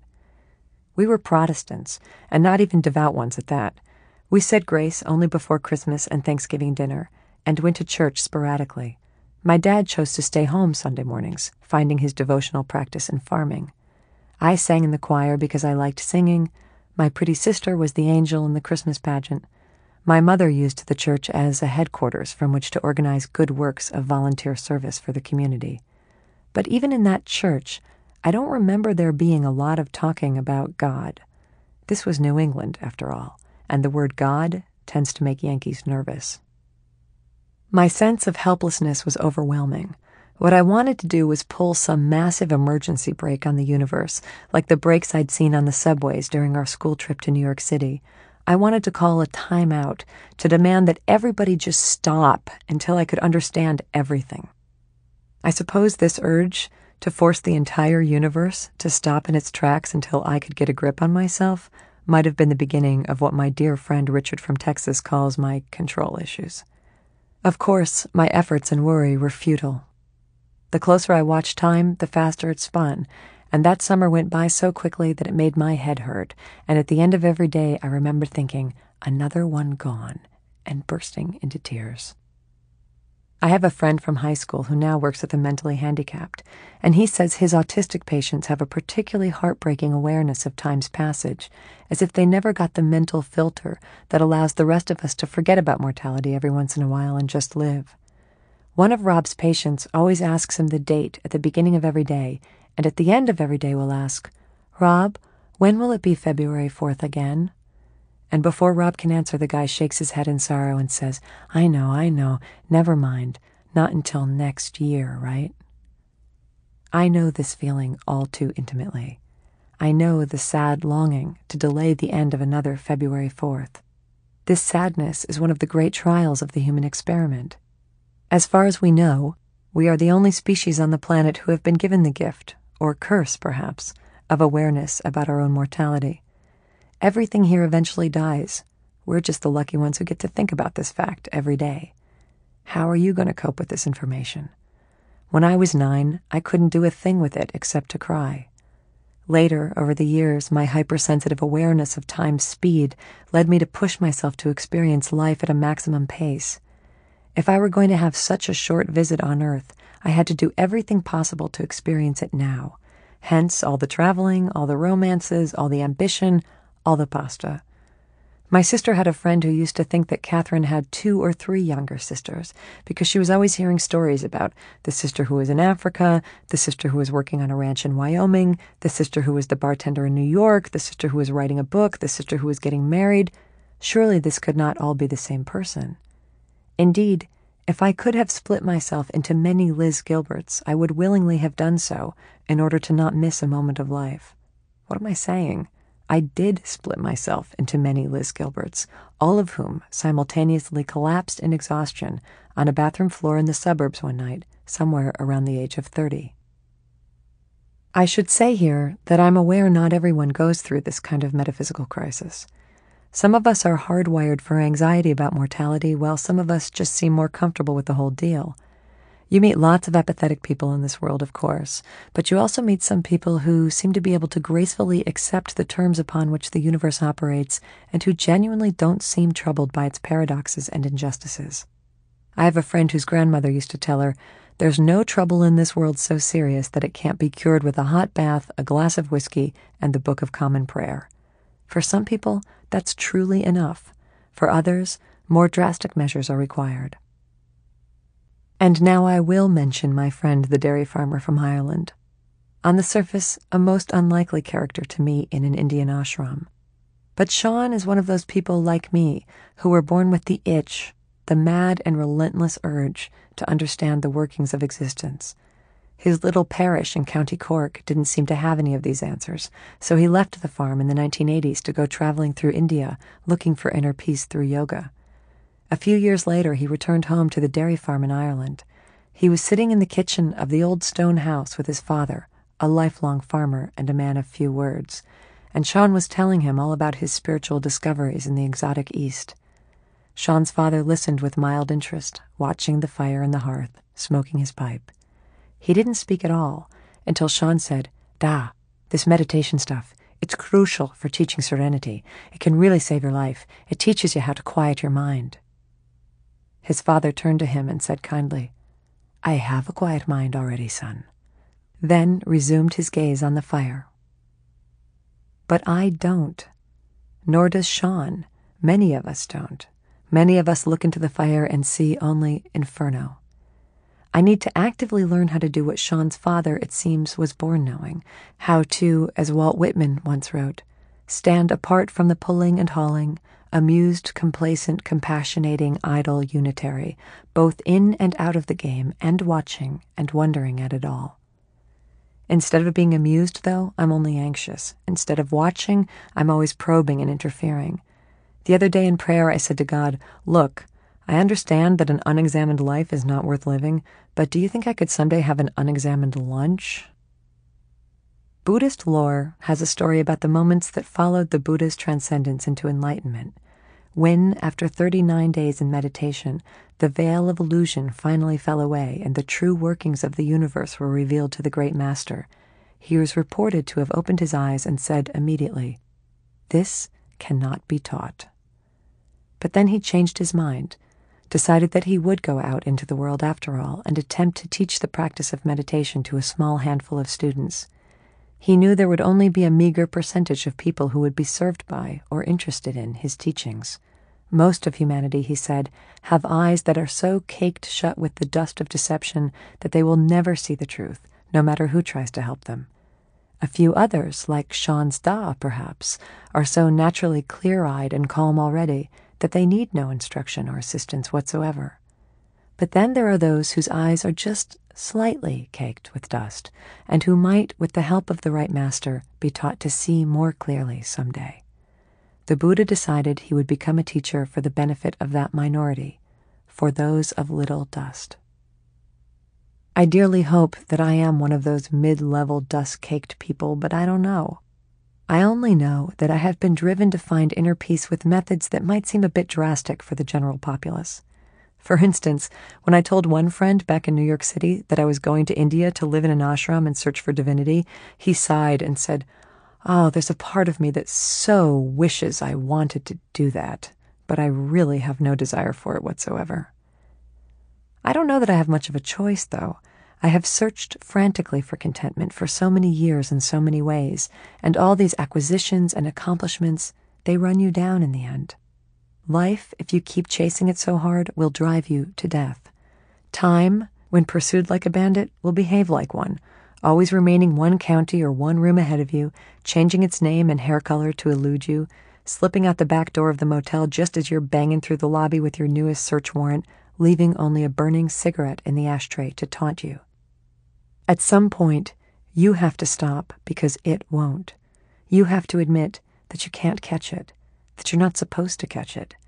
At some point, as Richard keeps telling me, you gotta let go and sit still and allow contentment to come to you. Letting go, of course, is a scary enterprise for those of us who believe that the world revolves only because it has a handle on the top of it which we personally turn, and that if we were to drop this handle for even a moment, well, that would be the end of the universe. But try dropping it, groceries. This is the message I'm getting.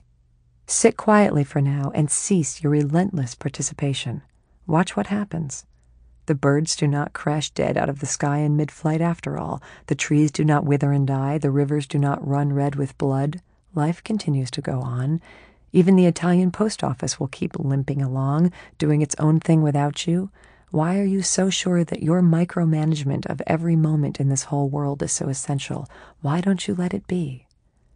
I hear this argument, and it appeals to me. I believe in it intellectually. I really do. But then I wonder with all my restless yearning, with all my hyped up fervor, and with this stupidly hungry nature of mine, what should I do with my energy instead? That answer arrives too. Look for God, suggests my guru.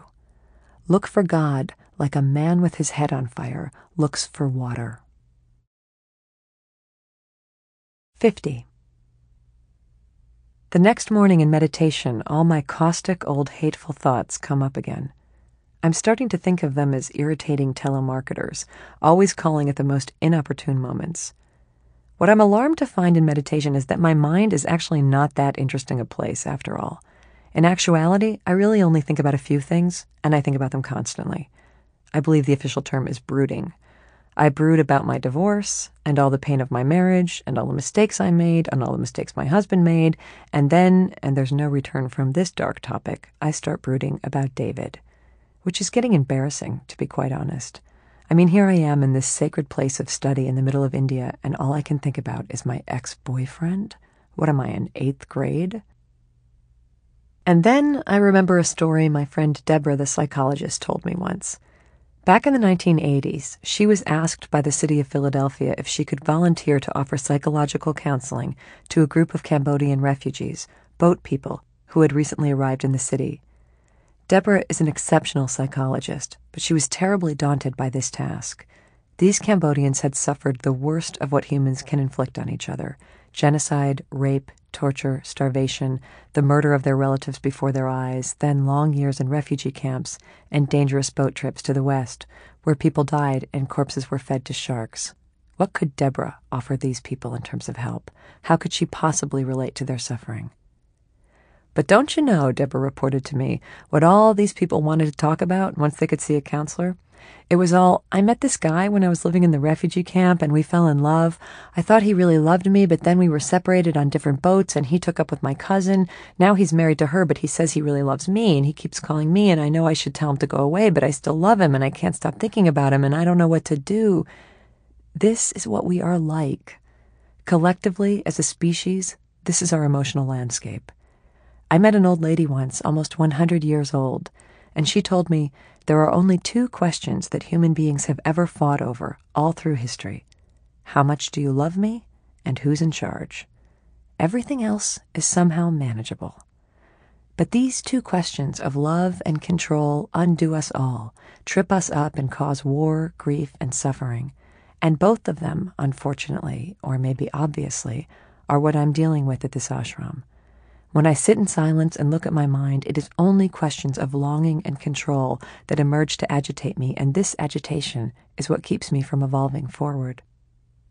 When I tried this morning, after an hour or so of unhappy thinking, to dip back into my meditation, I took a new idea with me compassion. I asked my heart if it could please infuse my soul with a more generous perspective on my mind's workings. Instead of thinking that I was a failure, could I perhaps accept that I am only a human being, and a normal one at that? The thoughts came up as usual, okay, so it will be, and then the attendant emotions rose too. I began feeling frustrated and judgmental about myself, lonely and angry. But then a fierce response boiled up from somewhere in the deepest caverns of my heart, and I told myself, I will not judge you for these thoughts.